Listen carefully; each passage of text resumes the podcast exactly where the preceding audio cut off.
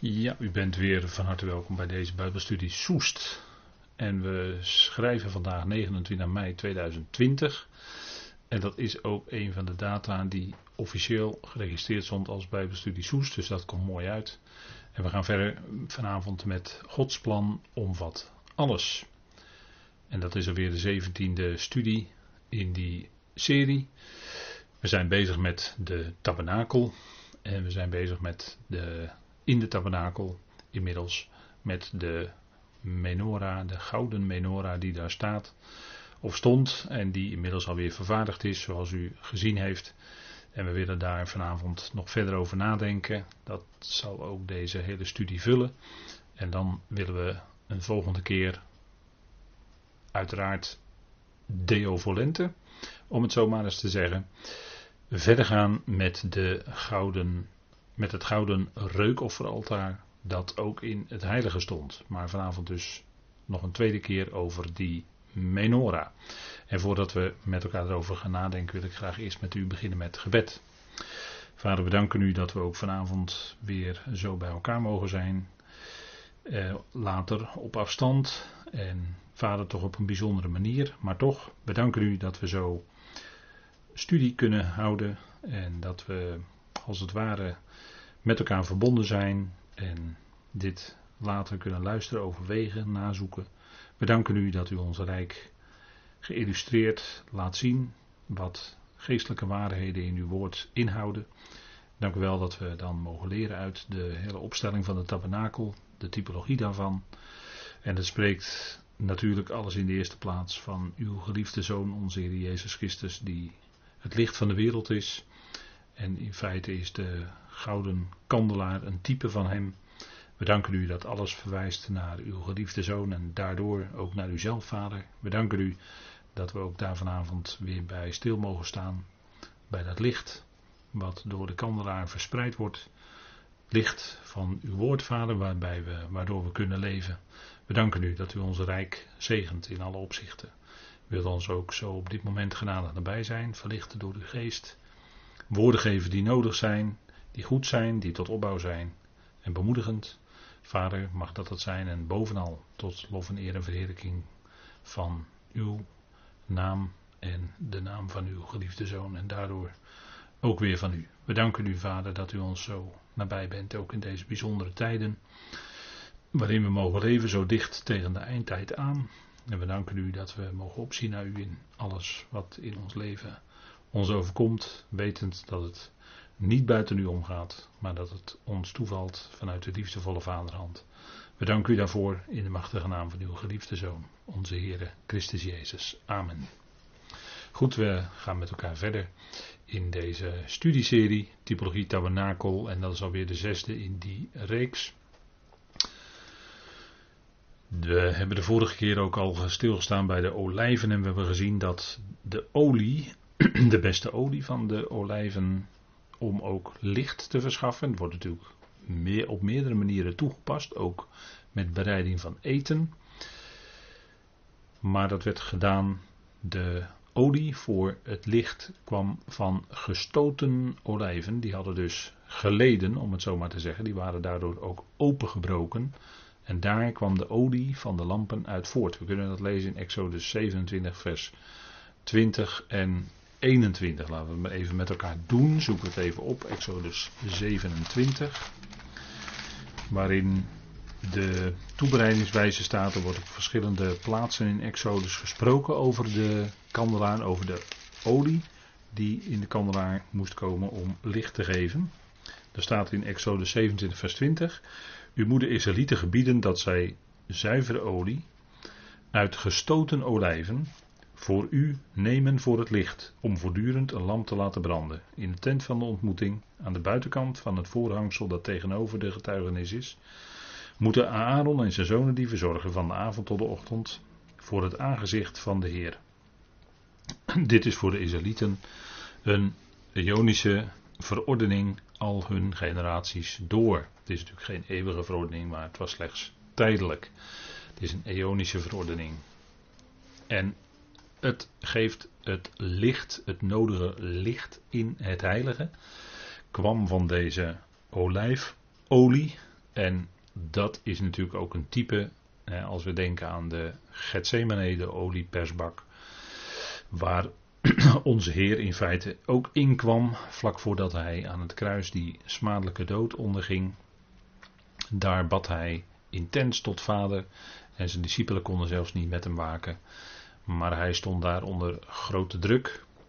En dat is toch een bijzondere gebeurtenis geweest waarin hij zich overgaf aan de wil van de Vader. Vader, niet mijn wil, maar de uwe geschieden.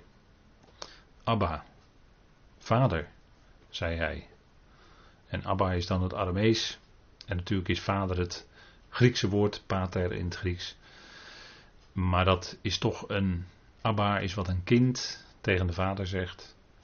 En vader is wat een opgegroeid kind, een zoon, tegen zijn vader zegt. En daar is het toch een verschil. Abba, vader, zei hij. En hij erkende op dat moment, hè, onze Heer erkende volledig God als zijn vader, zoals hij dat altijd had gedaan, maar ook juist op die moeilijke, in die moeilijke uren naar het kruis toe, erkende hij God als zijn vader.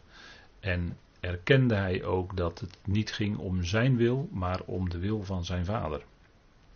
En door de enorme druk in de ziel kan het zijn dat de Heer heel even het moeilijk had en toch kwam hij in die overgave, hoe moeilijk het ook was.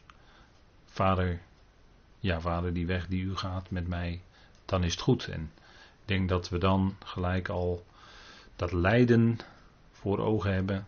Het enorme lijden wat over hem kwam van het kruis. Hij had natuurlijk al geleden tijdens zijn bediening op aarde. Het onbegrip van zijn eigen volk, de afwijzing. Soms het echte alleenstaan, als ook zijn eigen broers hem niet begrepen, zijn discipelen hem niet konden verstaan, niet konden volgen. Dan was, dan was hij wel eens, eh, misschien wel eens, eh, was hij regelmatig eh, alleen. Maar toch niet helemaal alleen. Want hij, er staat dan zo dat hij ook in de nachtelijke uren zocht hij een eenzame plaats op, op een heuvel of een berg om te bidden, om te spreken met vader. En er staat ook in Hebreeën dat hij onder luid geroep en onder tranen die weg is gegaan. En dat is denk ik niet alleen Gethsemane geweest, maar dat is ook daarvoor. En daarvoor was hij dan ook wel eens in het gebed, staat er dan van God. Niet zijn gebed tot God, maar het gebed van God. Staat zo in Lucas 6, meen ik uit mijn hoofd gezegd. En dat is dan het gebed, zou je kunnen zeggen, wat Vader hem gaf. En dat is ook voor ons zo. Vaak hebben wij geen woorden en weten we niet wat we moeten bidden naar wat moet zijn. Maar dan staat er dat de geest ons te hulp komt met onuitgesproken zuchten. Zucht met ons mee, want wij zuchten, wij lijden ook. Wij zuchten met die schepping mee. Wij lijden met die schepping mee. En daar en, en, ondergaan de vernedering van het stervende zijn. Ons lichaam veroudert, vermindert, wordt, komt met allerlei gebreken krijgen we te maken. Maar er is ook het lijden van het alleen komen te staan geestelijk gezien. Dat je afgewezen wordt door anderen om wat je gelooft. En eh, niet alleen door echt wat wij dan zeggen, echt ongelovigen die de Heer echt niet kennen. Maar ook kan het zijn door medegelovigen. Hè, die, die je ook niet begrijpen. Dat kan ook. En dan is daar het lijden. Maar vader is daar altijd nauw bij betrokken. Niets kan ons scheiden immers van zijn liefde. Wat ons overkomt in ons leven, het gaat niet buiten hem om. Maar het is ten diepste zijn liefde die ons de dingen doet vallen die in ons leven ons overkomen. En dat is een groeiproces voordat je dat gaat zien. Dat is erkenning van God, waar Paulus om bidt in Colossense 1. Erkenning van zijn wil, groeien, vrucht dragen. En dan steeds verder in het geloof komen. En dan groeien ook in de erkenning van God. Dat we zeggen, erkenning van Theos. Erkenning van degene die jou jouw plaats in het leven geeft.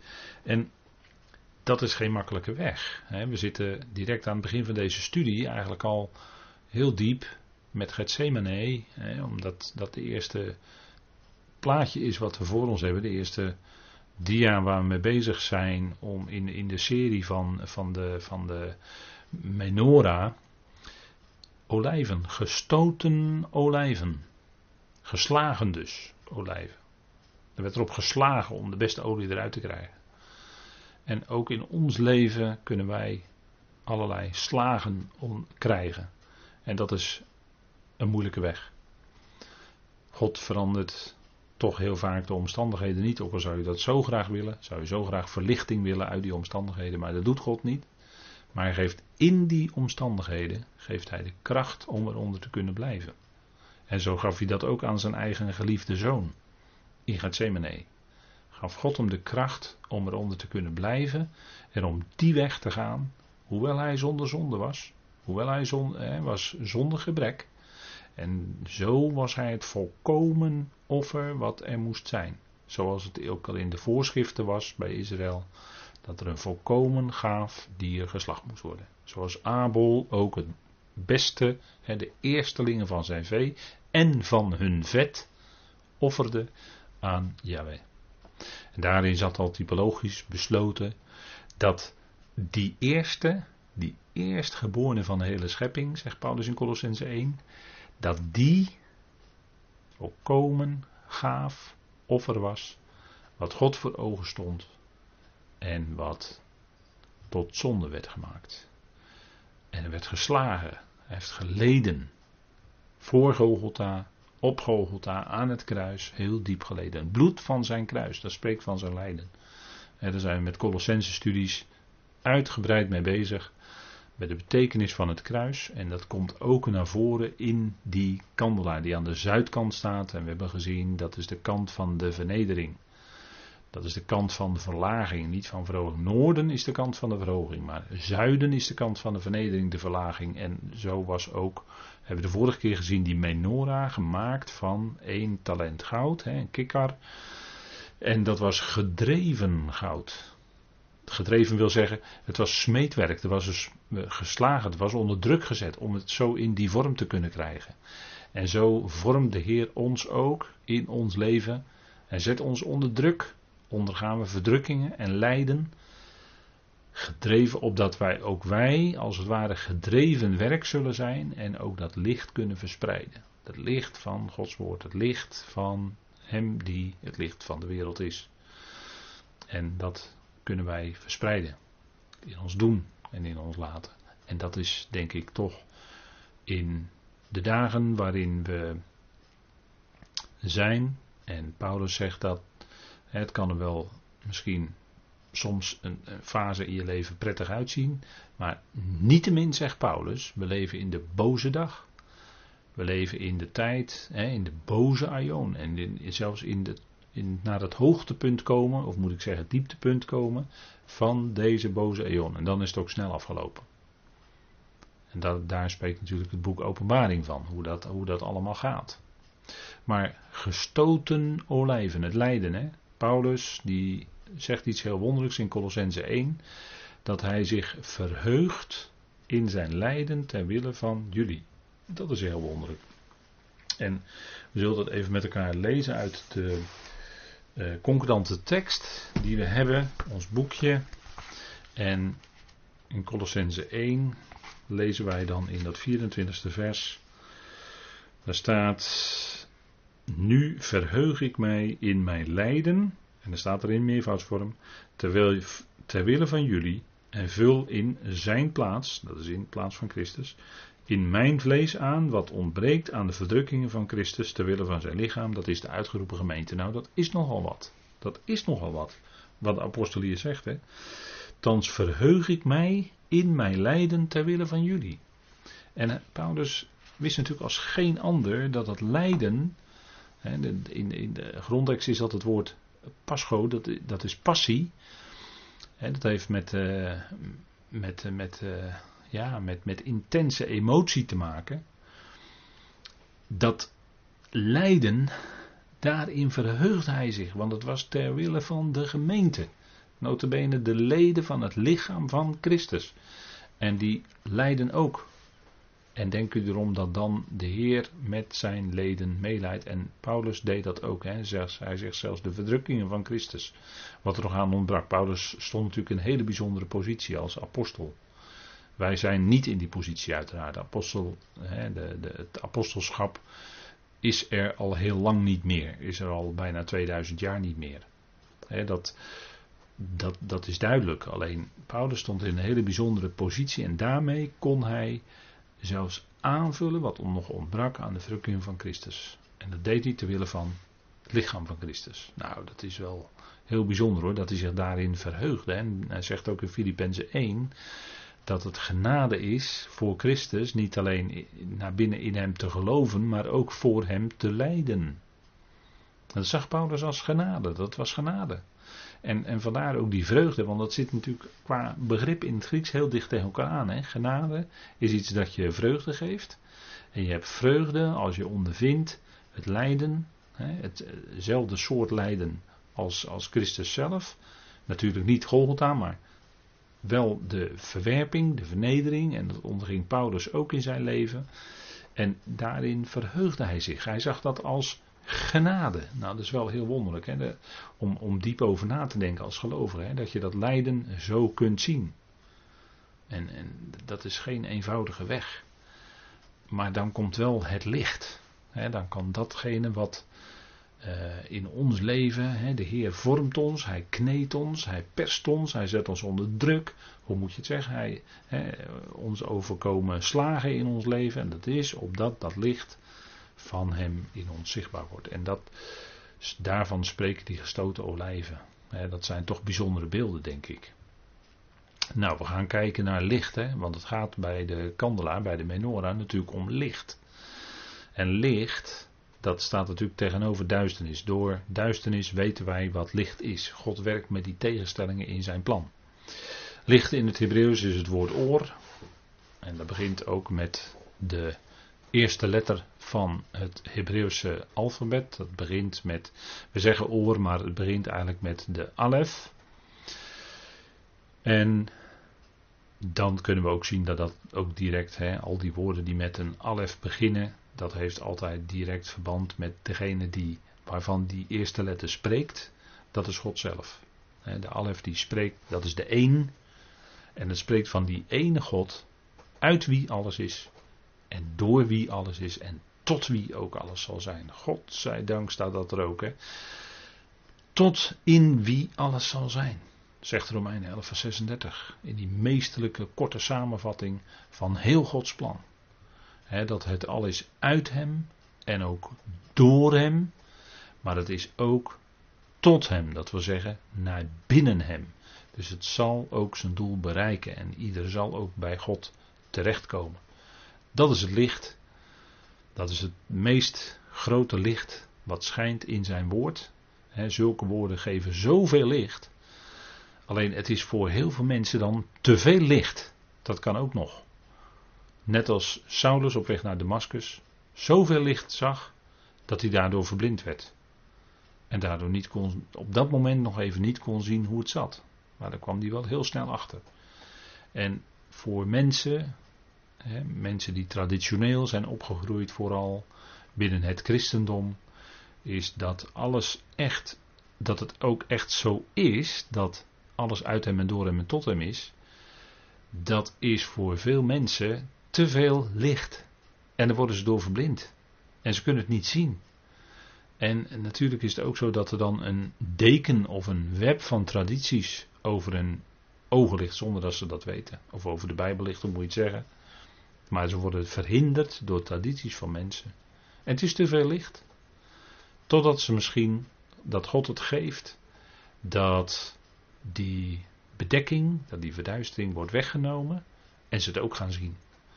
Maar dan heb je toch heel veel stapjes nodig, heel veel tijd nodig als gelovige om te gaan beseffen, en dat is ook erkenning van God, om te gaan beseffen wat dat allemaal inhoudt. Dat echt alles uit hem en ook door hem en ook tot hem is. dat is zoveel licht, zit er in die uitspraak, dat het voor heel veel gelovigen nog te veel licht is. Maar je gaat het pas langzaam maar zeker ga je het zien omdat je ogen steeds meer ervoor geopend worden. Omdat je hart, in je hart komt er steeds meer licht. En daarvoor heb je de schriften nodig. Daarvoor heb je het nodig dat, we, dat je hoort naar het woord. Het klonk in de laatste studie openbaring, waarin God zegt in Jezaja, hoort naar mij. Mijn woorden, want die zijn geest en leven, zei de Heer. En dat is wat je steeds weer licht verschaft en wat steeds meer licht in je geeft. Je gaat steeds meer zien hoe het zit. Licht tegenover duisternis. Dat is in het Hebreeuws het woord goshek. En dat betekent eigenlijk terughouden. Dus daar waar het licht wordt teruggehouden, daar is duisternis. En als God dan het licht terughoudt, dan ontstaat er als vanzelf duisternis. En vandaar dat hij dat ook in Jezaja 45 zo zegt. Dat hij degene is die het goede en het kwade maakt, schept. Dat hij het is die en het licht en de duisternis creëert. En hij creëert duisternis door het licht terug te houden. Zo doet hij dat. En dan zien we aan de ene kant het natuurlijke licht. Hè, als we even praten over het natuurlijke licht in de schepping. Dan zien we dat dat licht van God aanwezig is in alle eonen. En voor en na de eonen. Dan is er altijd sprake van licht. Soms in wat mindere mate gedurende de eonen. Maar er is altijd sprake van licht. En dat is een natuurlijke situatie. En dan kun je zeggen: het is onnatuurlijk dat er ook duisternis is. Maar die duisternis was er niet in de eerste eon. En die is er ook niet in de vijfde eon. Want daar staat dat er licht zal zijn door Christus. Dat Hij het licht is en dat er geen zon en maan meer nodig is. Zoveel licht zal Hij verschaffen in die schepping. Ja, fysiek licht. Zoals Saulus dat ook zag. Fysiek licht. En die duisternis, die er in de eerste eeuw niet was, alleen ten gevolge van het gericht. En ten gevolge van het gericht kan het zijn dat er duisternis is, want dan trekt God zijn licht terug. En dan ontstaat de duisternis. Dus aan het einde van die eerste eon, maar voor de rest in die hele eerste eon geen duisternis. Die duisternis is er ook niet, althans dat lezen we niet, in de vijfde eon. En is er zeker niet voor en na de eonen. Dan is het altijd helemaal volledig licht. Voor de eonen was het altijd licht. Kunnen wij ons helemaal niet voorstellen. En na de eonen is er ook alleen licht. En dan is er geen duisternis meer. En dat is natuurlijk wel geweldig, want dan is er zowel geen sprake meer van kwaad, geen sprake meer van zonde en geen sprake meer van duisternis. Het komt omdat Gods geest dan zo enorm krachtig werkzaam is, dat er helemaal geen plaats meer kan zijn voor duisternis, geen plaats meer kan zijn voor de zonde en geen plaats meer is voor de dood, want iedereen is dan onsterfelijk. Zo krachtig zal die geest van God dan doorwerken dat er nooit meer zonde is, nooit meer kwaad zal zijn en voor altijd de duisternis is verwijderd. En die, en die drie die ik net noemde, die komen nooit meer terug. Die blijven dan voor altijd, voor eeuwig, dan echt voor eeuwig weg. Nou, dat is heerlijk, hè? dat is een geweldig toekomstperspectief. En daar kijken we naar uit. Daar kijken we naar uit. Duisternis. Het is eigenlijk een vorm van kwaad want ik noemde net al die drie en ik noemde met kwaad ook de duisternis. Ja, duisternis is een vorm van kwaad. Want God is licht en in hem is in het geheel geen duisternis. Maar het kan wel zo zijn dat hij in zijn schepping, in, in dat machtige wat hij gecreëerd heeft, dat hij bij gelegenheid het licht terughoudt. En dan ontstaat er automatisch duisternis. En dat sluit helemaal. En daarmee creëert God dan duisternis. Maar dat is helemaal niet in tegenspraak met het feit dat God licht is en in hem in geheel geen duisternis is. Nee, dat kan ook niet, want God is licht. Dus in hem kan per definitie geen duisternis zijn. Maar het kan wel zo zijn in zijn schepping. Dat ervaren wij ook. Maar die duisternis moet er zijn, en dat is dan weer ten diepste Gods plan. Die duisternis moet er zijn om te laten zien wat licht is. Wij groeien op van jongs af aan met licht en duisternis. Als het nacht is, dan slapen wij. Dus wij vinden dat eigenlijk nog wel prettig ook dat het dan duister wordt, want onze biologische klok, om het zo maar te zeggen, die zegt dan tegen ons, hè, of ons lichaam zegt dan, nou ik ga nu rusten, ik ga slapen. En dat uh, ervaren was prettig, want de volgende dag hebben we weer nieuwe krachten. We slapen, dus we, wij maken niet zo dat kwaad van die duisternis mee. Maar als je s'nachts buiten bent, dan merk je wel dat het al snel dat het toch niet zo prettig is om dan buiten te zijn. Zeker als er weinig licht is. Want ja, je weet maar nooit wat je kan overkomen dan. Je bent maar liever binnen. Je bent maar liever gewoon aan het slapen. Met de deur op slot. We slapen. En dat is natuurlijk met het uitzicht om weer te ontwaken in de volgende dag. Waarin er dan ook weer geen duisternis is. Dus wij zien dat kwade karakter van niet, maar het is wel degelijk zo, aan het einde bij de gerichten en bij de komst van de zoon des mensen wordt er gesproken over duisternis. Hè? Dat, uh, ik heb hier op deze dia drie teksten gezet, Matthäus 24, Marcus 13 en Openbaring 8. En ik wil maar even enkele ervan lezen, Matthäus 24. Daar wordt natuurlijk gesproken door de Heer over de laatste dingen van deze boze Aion. Die binnenkort inderdaad gaat gaat, uh, ten, uh, die binnenkort uh, zal, zal worden beëindigd.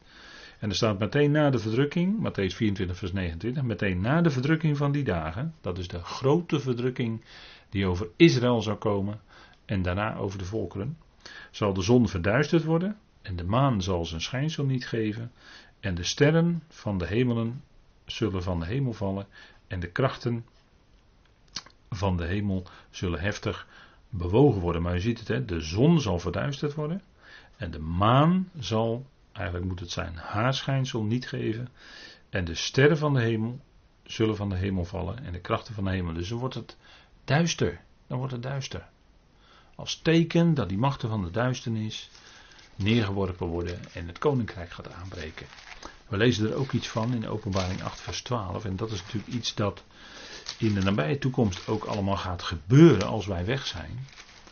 Openbaring 8, vers 12. En in de studies openbaring is dat ook natuurlijk uh, besproken. En er staat, en de vierde boodschapper, de vierde engel, blies op de bazuin. En het derde van de zon werd getroffen. En het derde van de maan. En het derde van de sterren.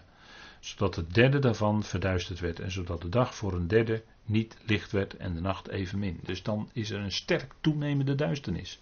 Als teken dat de machten van de duisternis, de geestelijke machten, de overhand hebben op dat moment over de wereld in dat enorme wereldrijk van de wettelozen, wat dan eh, er zal zijn.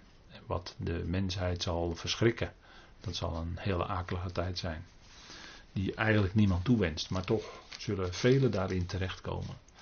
En we zien hoe de dingen dan gaan plaatsvinden. als die vierde boodschapper op de bazuin blaast, dat zijn zeven gerichtsbazuinen. Zeven bazuinen die een gericht in aankondigen of inluiden.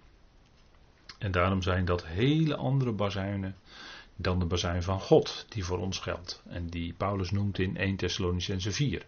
Dat is geen bazuin van gericht, maar dat is een bazuin van redding. Dus een heel andere, heeft een heel ander karakter. En daaraan kun je ook wel zien dat die bazuin van God in, in 1 Thessalonicense 4 niets te maken heeft met de zeven gerichtsbazuinen van openbaring. Uh, de hoofdstukken waar we zitten, hè? Uh, openbaring uh, 7, 8, 9. Dat is een heel ander karakter. Dan is die bazuin van God al lang geweest. Hè, dan is dat al achter de rug. Dan is die gemeente al weggenomen. En pas dan zullen die zeven bazuinen, zullen die zeven boodschappers in openbaring gaan bazuinen. En dan zullen die gerichten ook over de aarde komen. Nou, dat is ontzettend natuurlijk wat er allemaal nog gaat gebeuren. En dat zal ook veel duisternis in zich houden. En ook een van de gerichten van uh, toen het volk Israël bijna uit Egypte uitgeleid werd, hè, uh, bijna uit Egypte mocht verlaten, was enorme duisternis. Dat was, meen ik, de negende plaag, als ik het uit mijn hoofd goed zeg. In dikke, dikke duisternis. Zodat ze al tasten, zelfs al tastend hun weg niet konden vinden. Zo erg was dat. Maar dat was een gericht van God. En dat was omdat Farao niet het volk liet gaan. En hij was zich totaal niet ervan bewust dat God zijn hart verhardde. Maar door dat verharde hart liet hij nog steeds dat volk niet gaan. Maar dat moest zo zijn, hè, dat bewerkte God allemaal, opdat die naam van God verheerlijkt zou worden. En dat, dat, hè, en dat, uh, want het ging om zijn eer. En hij zou blijken werkelijk God te zijn. Hè, Jawel, de God van Israël, zou blijken werkelijk God te zijn. En zijn naam zou verheerlijkt worden en doorverkondigd worden op de hele aarde. Dat was de bedoeling en dat kwam ook uit. En daartoe verhardde Yahweh het hart van de farao. Als je die hoofdstukken leest in Exodus, die eerste hoofdstukken, dan kun je daar niet aan ontkomen, aan die conclusie. God verhardde het hart van de farao. En zo schrijft Paulus er ook over, als hij daarover schrijft in Romeinen 9, als hij ook de farao al schrijvend aanhaalt. En dan zegt hij daar ook bij, zo is het dan God die verhardt wie hij wil en is barmhartig over wie hij met een hoofdletter wil. En dat is geen blinde willekeur bij God, maar dat is altijd uit liefde en in overeenstemming met zijn plan. En God is het die dat doet, die dat bewerkt. Daar, daar kun je niet aan ontkomen als je de schrift leest. Nou, dat is heel wat. En dat is ook in de eindtijd zo. Die wetteloze die zal er moeten komen. En er kan alleen maar datgene tot grote wereld mag komen. Omdat God hem ten diepste dat geeft. En er staat ook diverse keren in openbaring. En aan het beest werd gegeven. Ja, door wie? Door wie? Eh, ja, dan kun je zeggen misschien door de draak. Ja, oké. Maar die draak krijgt dan op dat moment ook het vermogen en de macht om dat te kunnen doen. En dat komt ook weer van een hogere, dat vermogen en die ruimte die hij dan krijgt. Dat staat God hem ook toe. Want uiteindelijk weten we, hè, daar begon het vandaag wat mee, dat alles uit God is. Dus ook die tijd die moet komen, dat, dat, dat wereldrijk van de wettelozen, dat moet er komen. En dat is opdat die God, God van Israël, die wij mogen kennen als onze Vader door Jezus Christus, dat die verheerlijkt wordt en dat die naam van God verkondigd zal worden over de hele aarde in de komende duizend jaar op aarde en ook op de nieuwe aarde en de nieuwe hemelen daarna. Wij doen dat, wij mogen die verkondiging doen dan te midden van de hemeling en boven. En dat is natuurlijk enorm, hè, dat het plan zo in elkaar zit. Nou, we gaan maar naar de volgende dia gauw. Duisternis als gevolg van het gericht, dat noemde ik net al even. En u ziet hier een foto, het Dal Hinnom van Jeruzalem, waar veel verkeerde gedachten aan gekoppeld zijn. Doordat men het woord Gehenna, wat niet anders betekent dan het Dal Hinnom, en dat is bij Jeruzalem, dat men dat woord Gehenna vertaalde met hel. Met alle verkeerde gedachten die dan aan het woord hel waren opgehangen. En zo kregen mensen een totaal, maar dan ook een totaal verkeerde indruk van wat er in werkelijkheid in de grondtekst staat. Er staat Gehenna. En dat is niet een, een hel waarin mensen voor altijd gepijnigd worden en met vuur enzovoort. Ja, in de komende duizend jaar is daar wel vuur. Maar dan wordt het afval van de stad Jeruzalem verbrand. En de mensen die in opstand zijn gekomen tegen de Messias en tegen de, tegen de heerschappij van, uh, van de Messias daar, die zullen eerst gericht worden en vervolgens daarin geworpen worden. Ja, die wel. En Matthäus 7, vers 12 zegt dan: Sommige zonen van het koninkrijk worden buiten geworpen, in duisternis, waar huilen en tandenknarsen is. En of dat het Gehenna is, ik vraag het me af, want er wordt gesproken over buitengeworpen en in duisternis. Maar het zou kunnen dat het met dat Gehenna in de duizend jaar te maken heeft. En eh, waar huilen en tandenknarsen is. En waar mensen dan een akelige dood moeten sterven. Maar ze zullen uiteindelijk wel sterven daar. Duisternis als plaats, gevolg van het gericht, is het aller, allerlaatste vers van Jezaja. Jezaja 66 vers 24 even uit mijn hoofd gezegd. Spreekt over het Gehenna. Maar staat ook, duisternis wordt genoemd, hè, duidelijk. Plaats of het gevolg van een gericht. En dat is natuurlijk ook zo in Genesis 1 vers 2. Het gevolg van het gericht was dat er woestheid, leegheid en duisternis was. En dat uh, lezen we hier dus ook. Hè? Duisternis als gevolg van het gericht. Ja. En ook de volkeren, de volkeren, die hebben de duisternis. En dan spreken we niet meer over de letterlijke fysieke duisternis, maar dan spreken we over geestelijke duisternis, om het zo maar te zeggen. Ook de volkeren hebben die duisternis, hebben duisternis in hun hart. En laten we maar even kijken in Romeinen 1, omdat is toch wat Paulus daar heel scherp kon schrijven. Door God geïnspireerd uiteraard, hij was apostel. En dan staat er in Romeinen 1 vers 21, en daar wordt dan tegen de mensheid gezegd dat zij God kunnen kennen uit de schepping, uit de natuur. En daar waar men, men keert zich dan bewust ook daarvan af. En dan staat er uh, dat zij niet te verontschuldigen zijn, omdat uit de, vers 20, uit de schepping van de wereld zijn, zijn, zijn de werken van God genoegzaam bekend. Zijn Ionische of zijn uh, onwaarneembare kracht, moet ik eigenlijk zeggen, staat er. Zijn onwaarneembare kracht en goddelijkheid, die kan men weten uit de schepping. En dat zegt Paulus hier, dat, dat is wat God natuurlijk uh, aangeeft. En dan staat er, want zij hebben, vers 21, hoewel zij God kennen, hem niet als God verheerlijkt of gedankt, maar ze zijn verdwaasd in hun redeneringen en hun onverstandig hart is verduisterd. De filosofie van de mens leidt eigenlijk nergens toe. Men draait in een kringetje rond. En tegenwoordig, als je de moderne filosofen leest, je, laat daar, wat, je, je, slaat daar dus wat van op, dan uh, blijken toch heel wat filosofen uit te gaan van uh, een zekere Nietzsche, die beweerde in zijn schrijfsels dat God dood zou zijn. Nou, dat uh, niets is minder waar, maar goed, hij was daarvan overtuigd. En dan krijg je een, een, een soort uh, ja, pessimisme, een, een, wanhoop, een, uh, en, en, en dan draait men rond in de eigen gedachten. Atheïstisch als men is, hè, men bewust zonder God, dan komt men niet verder. En Paulus zegt daarvan, ze zijn verdwaasd in hun redeneringen. Want als je die redeneringen leest, dan denk je, ja, eigenlijk moet je. Het is eigenlijk om te huilen, zeg je aan de ene kant. Maar aan de andere kant moet je ze ook bijna wel om lachen. Dat, dat mensen zo in een cirkeltje kunnen redeneren, zo wonderlijk. En ze komen niet verder. Ze komen niet verder. En dat is het trieste ervan. En dan zou je denk je van. Als je, als je zoiets leest, dan denk je van. Ja, maar. Sla dan de Bijbel open. God, ja, als je denkt met Nietzsche dat God dood is, ja, dan heb je, niet, dan heb je eigenlijk niets meer over. Dan, dan wordt het uh, erg sombertjes allemaal.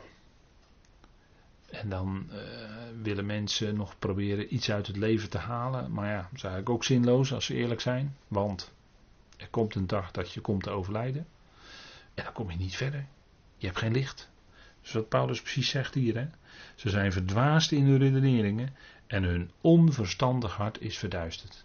En ze omhelzen een theorie die wil beweren dat God het niet geschapen zou hebben, maar dat alles als vanzelf is ontstaan. Nou, dat is zo ontzettend onlogisch.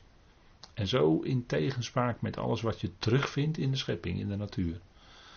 Maar men houdt daarmee vol en men wil dan bewust zonder God. Enorm. Duister is het dan hoor enorm duister. Ook Efeze 4, vers 18 zegt daar iets van. Dan gaat het natuurlijk om die oude mens. En als Paulus spreekt over oude mens en over oude mensheid, dan, als hij die uitdrukking gebruikt, dan zit daar ook direct gedrag aangekoppeld. En dat lezen we ook in Efeze 4. En dan lees ik u even vanaf vers 17. En dan zegt Paulus, en als ik dan vers 16 even toch erbij neem, Efeze 4 vers 16, de era uitkopend. Dus de tijd waarin we leven. En dan zegt hij, eigenlijk bedoelt hij dan te zeggen, gebruik die tijd goed, nuttig. Omdat de dagen boos zijn. En dat is maar al te waar, hè? de dagen zijn boos. Die hebben een boos karakter. Word derhalve niet onbezonnen. Hè, onbezonnen. uh, zit heel dicht aan tegen onverstandig zijn, onbezonnen zijn. En niet, niet nadenken, niet goed nadenken. Maar begrijpt wat de wil van de Heer is. En dat, dat was ook daarnet, hè. Niet mijn wil, maar uw wil. En begrijpt wat de wil van de Heer is. Wil je weten wat zijn wil is in deze tijd? Lees de brieven van Paulus. Dan kom je te maken met de gemeente die uitgeroepen wordt. Daar ben je lid van. En wat is dan die functie van de gemeente? En hoe kun jij daarin functioneren als lid van het lichaam van Christus? Dat is wat je af kan vragen. En dan ontdek je in de brieven van Paulus wat die wil van de Heer dan is.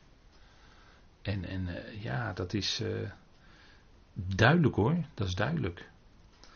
En kijk, hij zegt in, uh, dit was dan Efeze 5, ik zat, in, ik zat even in een hoofdstuk verder, maar ik denk dat het toch goed is omdat dat we gelezen hebben, want dat is best wel passend. Ik denk dat het niet voor niks is. Maar er staat in Efeze 4, vers 17: Dit dan zeg en getuig ik in de Heer dat jullie niet meer wandelen zoals de natie, in de ijdelheid van hun denkzin wandelen. Nou, in feite hadden we het daar net ook over aan de hand van hoofdstuk 5. De dagen zijn boos. De dagen zijn boos. En die in de ijdelheid van hun denkzin wandelen, die in hun inzicht verduisterd zijn en van het leven van God vervreemd door de onwetendheid die in hen is door de vereelting van hun hart. Ze hebben een verhard hart. En dat is niet om hen te beschuldigen, maar Paulus constateert het. En ze zijn in hun inzicht verduisterd. Daar heb je die duisternis. Ze hebben geen inzicht. Ze hebben geen doorzicht. En als gelovigen, dan heb je verlichte ogen van het hart. En dan kijk je als het ware door de dingen heen. Die uit de maatschappij, die uit de wereld op je afkomen. Wat er allemaal speelt. Maar als je, als je een gelovige bent die dat woord van God mag kennen. En, en zeker uh, met de brieven van Paulus uh, aan de spits, aan de top en daar vooral mee bezig zijn, dan kijk je door de dingen heen. Dan zie je op een afstand, ja, maar zo zit het. En het komt daar vandaan, dat zit erachter en je ziet het. Je ziet het gewoon gebeuren. En dan kun je rustig de dingen afwachten, zoals die zich afspelen, maar je hoeft je niet te laten leiden door angst. Angst, zei iemand vandaag tegen mij nog, in een gesprek is een slechte raadgever en zo is het. Wat een goede raad is, is te vertrouwen op God, is te vertrouwen op Vader in alle omstandigheden en het aan Hem over te laten.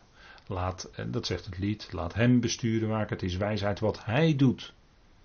Wat Hij doet. En dat aanvaarden we, wat in ons leven gebeurt, wat in de maatschappij gebeurt, dat is wat Hij met een hoofdletter God dus doet ten diepste. Hij is de grote plaatser die alles zijn plaats geeft. Ook in ons leven.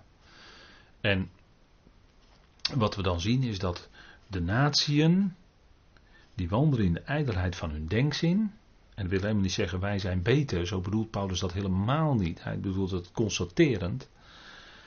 Die in hun inzicht verduisterd zijn en van het leven van God vervreemd. En kun je daar dan zoveel van leren, is dan de vraag. Ja, niet dat, niet dat we dan zeggen van we weten het beter, maar kijk, als hun inzicht verduisterd is, omdat ze van het leven van God vervreemd zijn en, en omdat ze on, doordat ze onwetend zijn en dat ze vereelting over hun hart is gekomen, door, door ja, dat, dat kan door van alles natuurlijk komen, maar dan kunnen ze niet zien hoe het zit. En dat is triest, dat is jammer. En dat merk je dan ook wel als je met mensen praat. Dan denk je, ja, maar je weet, je weet, je beseft eigenlijk niet hoe het zit. Wat, wat jammer, wat jammer. Als je het zou weten hoe het zit, dan zou je er heel anders naar kijken dan dat je nu praat. Maar goed, God gaat met ieder zijn weg. En, en bij gelegenheid kun je wel eens iets even zo neerleggen van, joh, dit of dat, denk daar eens over na. Nou, duisternis. Maar dat is ook wat als het koninkrijk gaat aanbreken. Want we leven nu nog in een tijd van genade. Maar straks zijn we weg en dan is de genadetijd voorbij. En dan gaat God werken met Israël en de volkeren. En dan gaat dat koninkrijk gaat komen. En dan is er ook sprake van duisternis. Hè? Dat zien we in Jezaja 60 bijvoorbeeld. En daar, dat is het aanbreken. Hè? Dan, dan zie je het morgen uh, licht zie je doorkomen. Figuurlijk gesproken, Jezaja 60, vers 1 tot 3, en dan staat er: Sta op, word verlicht. Want uw licht komt en de heerlijkheid van Yahweh gaat over jullie op. Want zie, en dan komt het hè, de duisternis zal de aarde bedekken en donkere wolken de volken. Maar over jullie zal de Heer opgaan, zal Yahweh opgaan. En zijn heerlijkheid zal over jullie, Israël, gezien worden. De heidenen, dus de Goyim, zullen naar jullie licht gaan. En de koningen naar de glans van jullie dageraad. En zo zal het zijn in de komende aion, in de duizend jaar. Dan zullen die natie inderdaad naar dat licht gaan wat Israël heeft. En dan zullen zij ook zijn licht voor de natieën. Jezaja 42 spreekt daarvan. Maar hij zegt als het gaat om die natieën, dan zal de duisternis de aarde bedekken. Maar als die Messias komt, als Jezus terugkomt voor zijn volk en zijn voeten zet op de Olijfberg enzovoort, hè, dan is het zo dat Yahweh over en opgaat. En dat zal dan zijn door middel van Christus. Christus zal dan Yahweh representeren en ze zullen zien wie ze doorstoken hebben. Enzovoort. En Jezaja 25 spreekt er ook van. Hè. Dat spreekt over die sluier die over de natie ligt. Dat is vandaag de dag ook zo. Er ligt een sluier over. Ze zijn in duisternis. En wat is dat ontzettend. Maar als hij komt, dan zitten ze in duisternis. Maar dan komt ook het licht en dan zal hij nu dat licht verschaffen. Nou, licht, hè, om heel even bij het, in Genesis te zijn. Licht wordt vijf keer genoemd in Genesis 1, vers 3 en 4. En dan hebben we gezien, we vanavond ook genoemd, dat als gevolg van het gericht, wat kwam in die eerste eon, nadat God de tegenstander als tegenstander had geschapen, en die kwam in opstand en die nam een heleboel, en daar, daar gingen met hem mee in die opstand. En toen kwam er een gericht, en het resultaat daarvan lezen we dan in Genesis 1, vers 2. De aarde nu werd en de aarde werd woest en leeg en duisternis, lag over de watervloed en de geest van God zweefde over de wateren en God zei, laat er licht zijn. En er was licht. En God zag dat het licht goed was en God maakte scheiding tussen het licht en de duisternis. Daar heb je het, hè. Het licht kwam en toen werd er scheiding gemaakt tussen licht en duisternis. En God noemde het licht dag en de duisternis noemde hij nacht. Toen was het avond geweest, toen was het morgen geweest, de eerste dag. En dit is een Bijbelse dag. Hè? Een Bijbelse dag begint bij het ochtendgloren als het licht wordt, want er staat, God noemde het licht dag. En de duisternis noemde hij nacht. Zo noemt God dat. En het punt is dat je merkt dat mensen die de Bijbel lezen, dat, uh, dat op een of andere manier gaan omdraaien. Want er is een uitzondering bij Israël. Daar begint de Shabbat op vrijdagavond bij zonsondergang en die duurt tot zaterdagavond zonsondergang.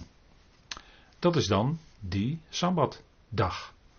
Maar dat is niet een definitie van een Bijbelse dag vanaf Genesis 1. Dat is gewoon als de, de periode dat het licht is. Dat is dag. En dat begint dus als het morgens licht wordt, dan begint de dag. En die eindigt als het s'avonds donker wordt. Want is donker is de dag voorbij. God noemt het licht dag. Dus een Bijbelse dag begint bij de ochtend. En de uitzondering is de Sabbat. De Shabbat. Die begint s'avonds bij zonsondergang. En eindigt bij zonsondergang. Nou, dat is zoals het bij Israël is ingesteld. Allemaal, en dat doen vele van het volk Israël doen dat. Allemaal prima. Dat hoort bij hun gezette of vastgestelde tijden. En zo doen ze dat als volk. En ze zullen dat. Uh, en, en het is natuurlijk een heenwijzing naar de komende grote Shabbat. De duizend jaar. Duizendjarig rijk, om het zo maar te zeggen. Is de grote Shabbat voor Israël. Dan zullen ze tot rust zijn gekomen. Dan zullen ze gestopt zijn met hun eigen werken.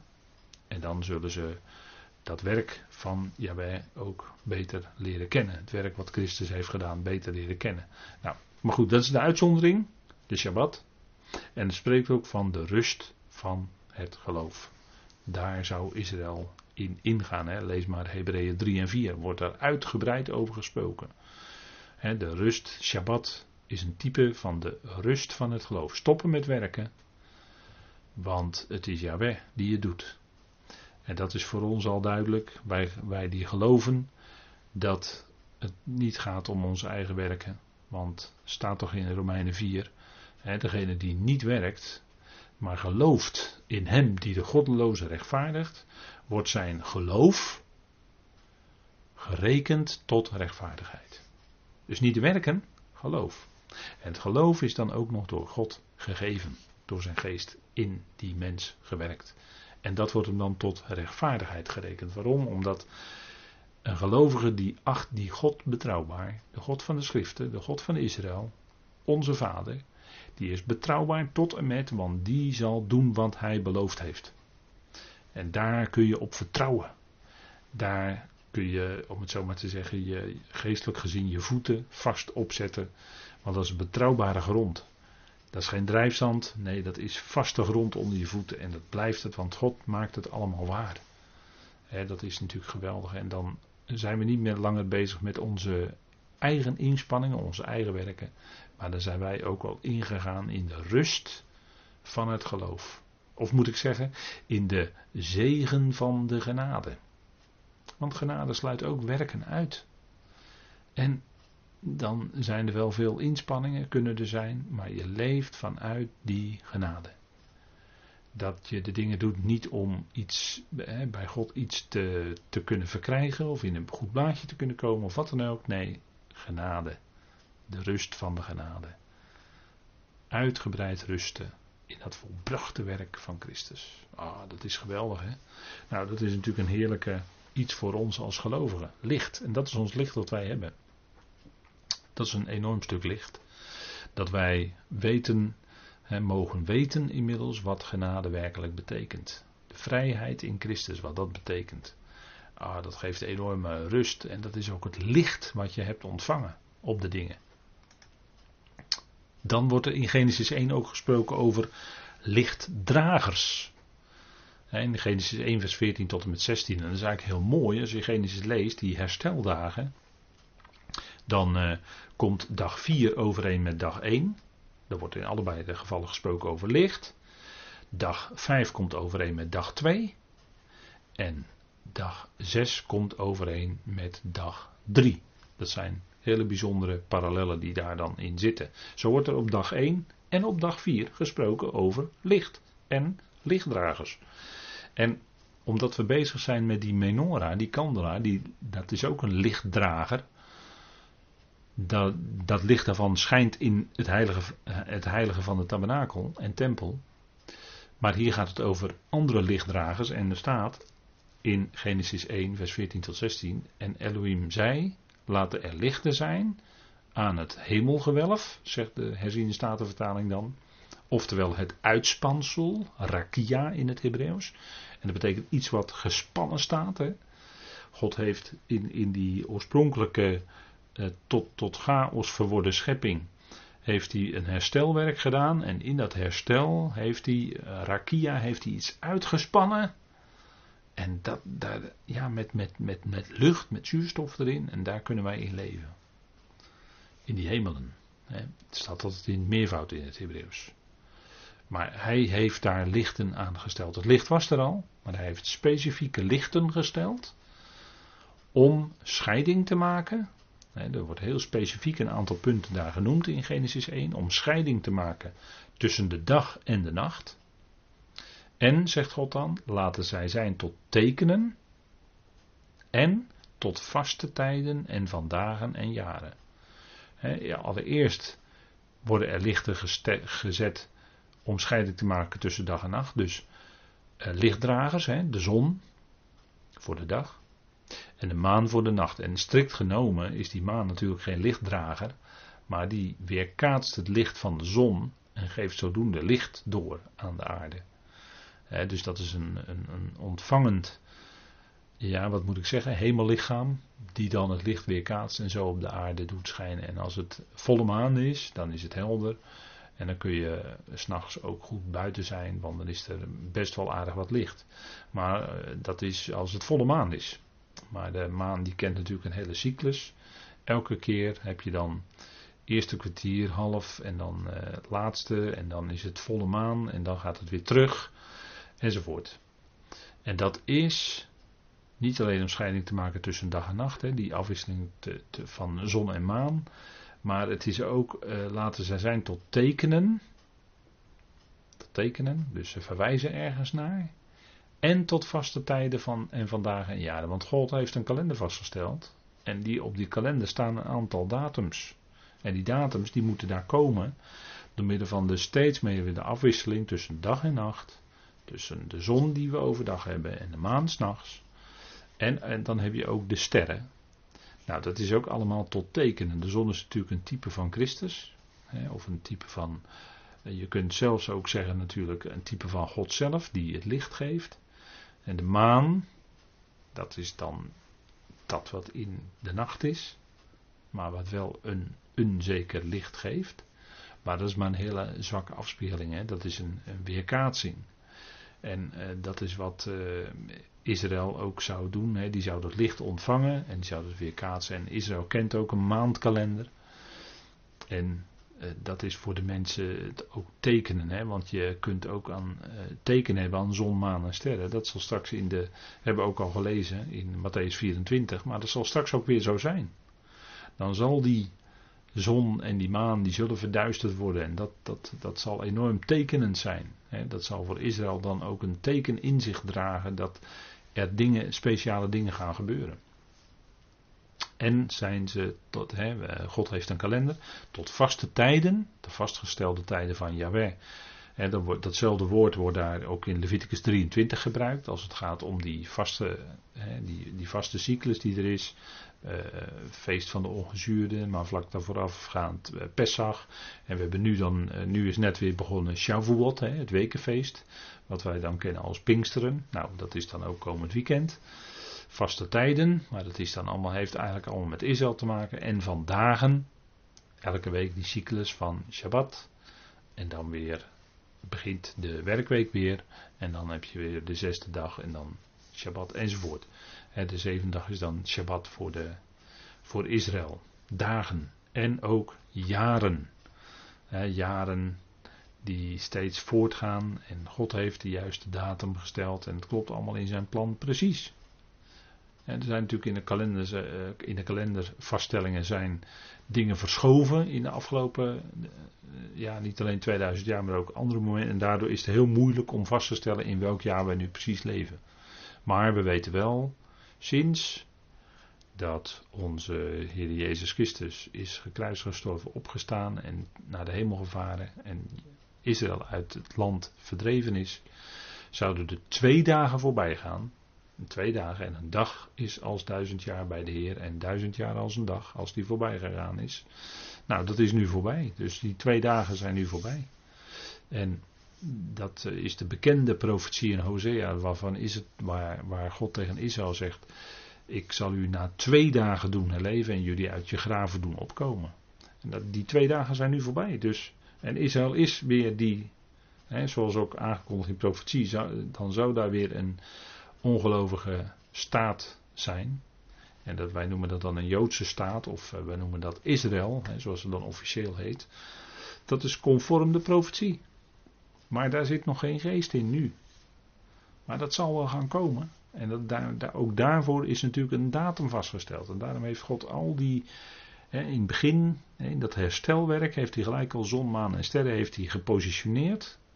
En zo konden zij dan zijn in die hele cyclus totdat het juiste moment aanbrak. Nou, bij God.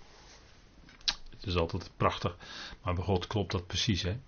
Nou, Laten we maar even over vaste tijden en, en, enzovoort gesproken. Laten we maar even een moment gaan pauzeren.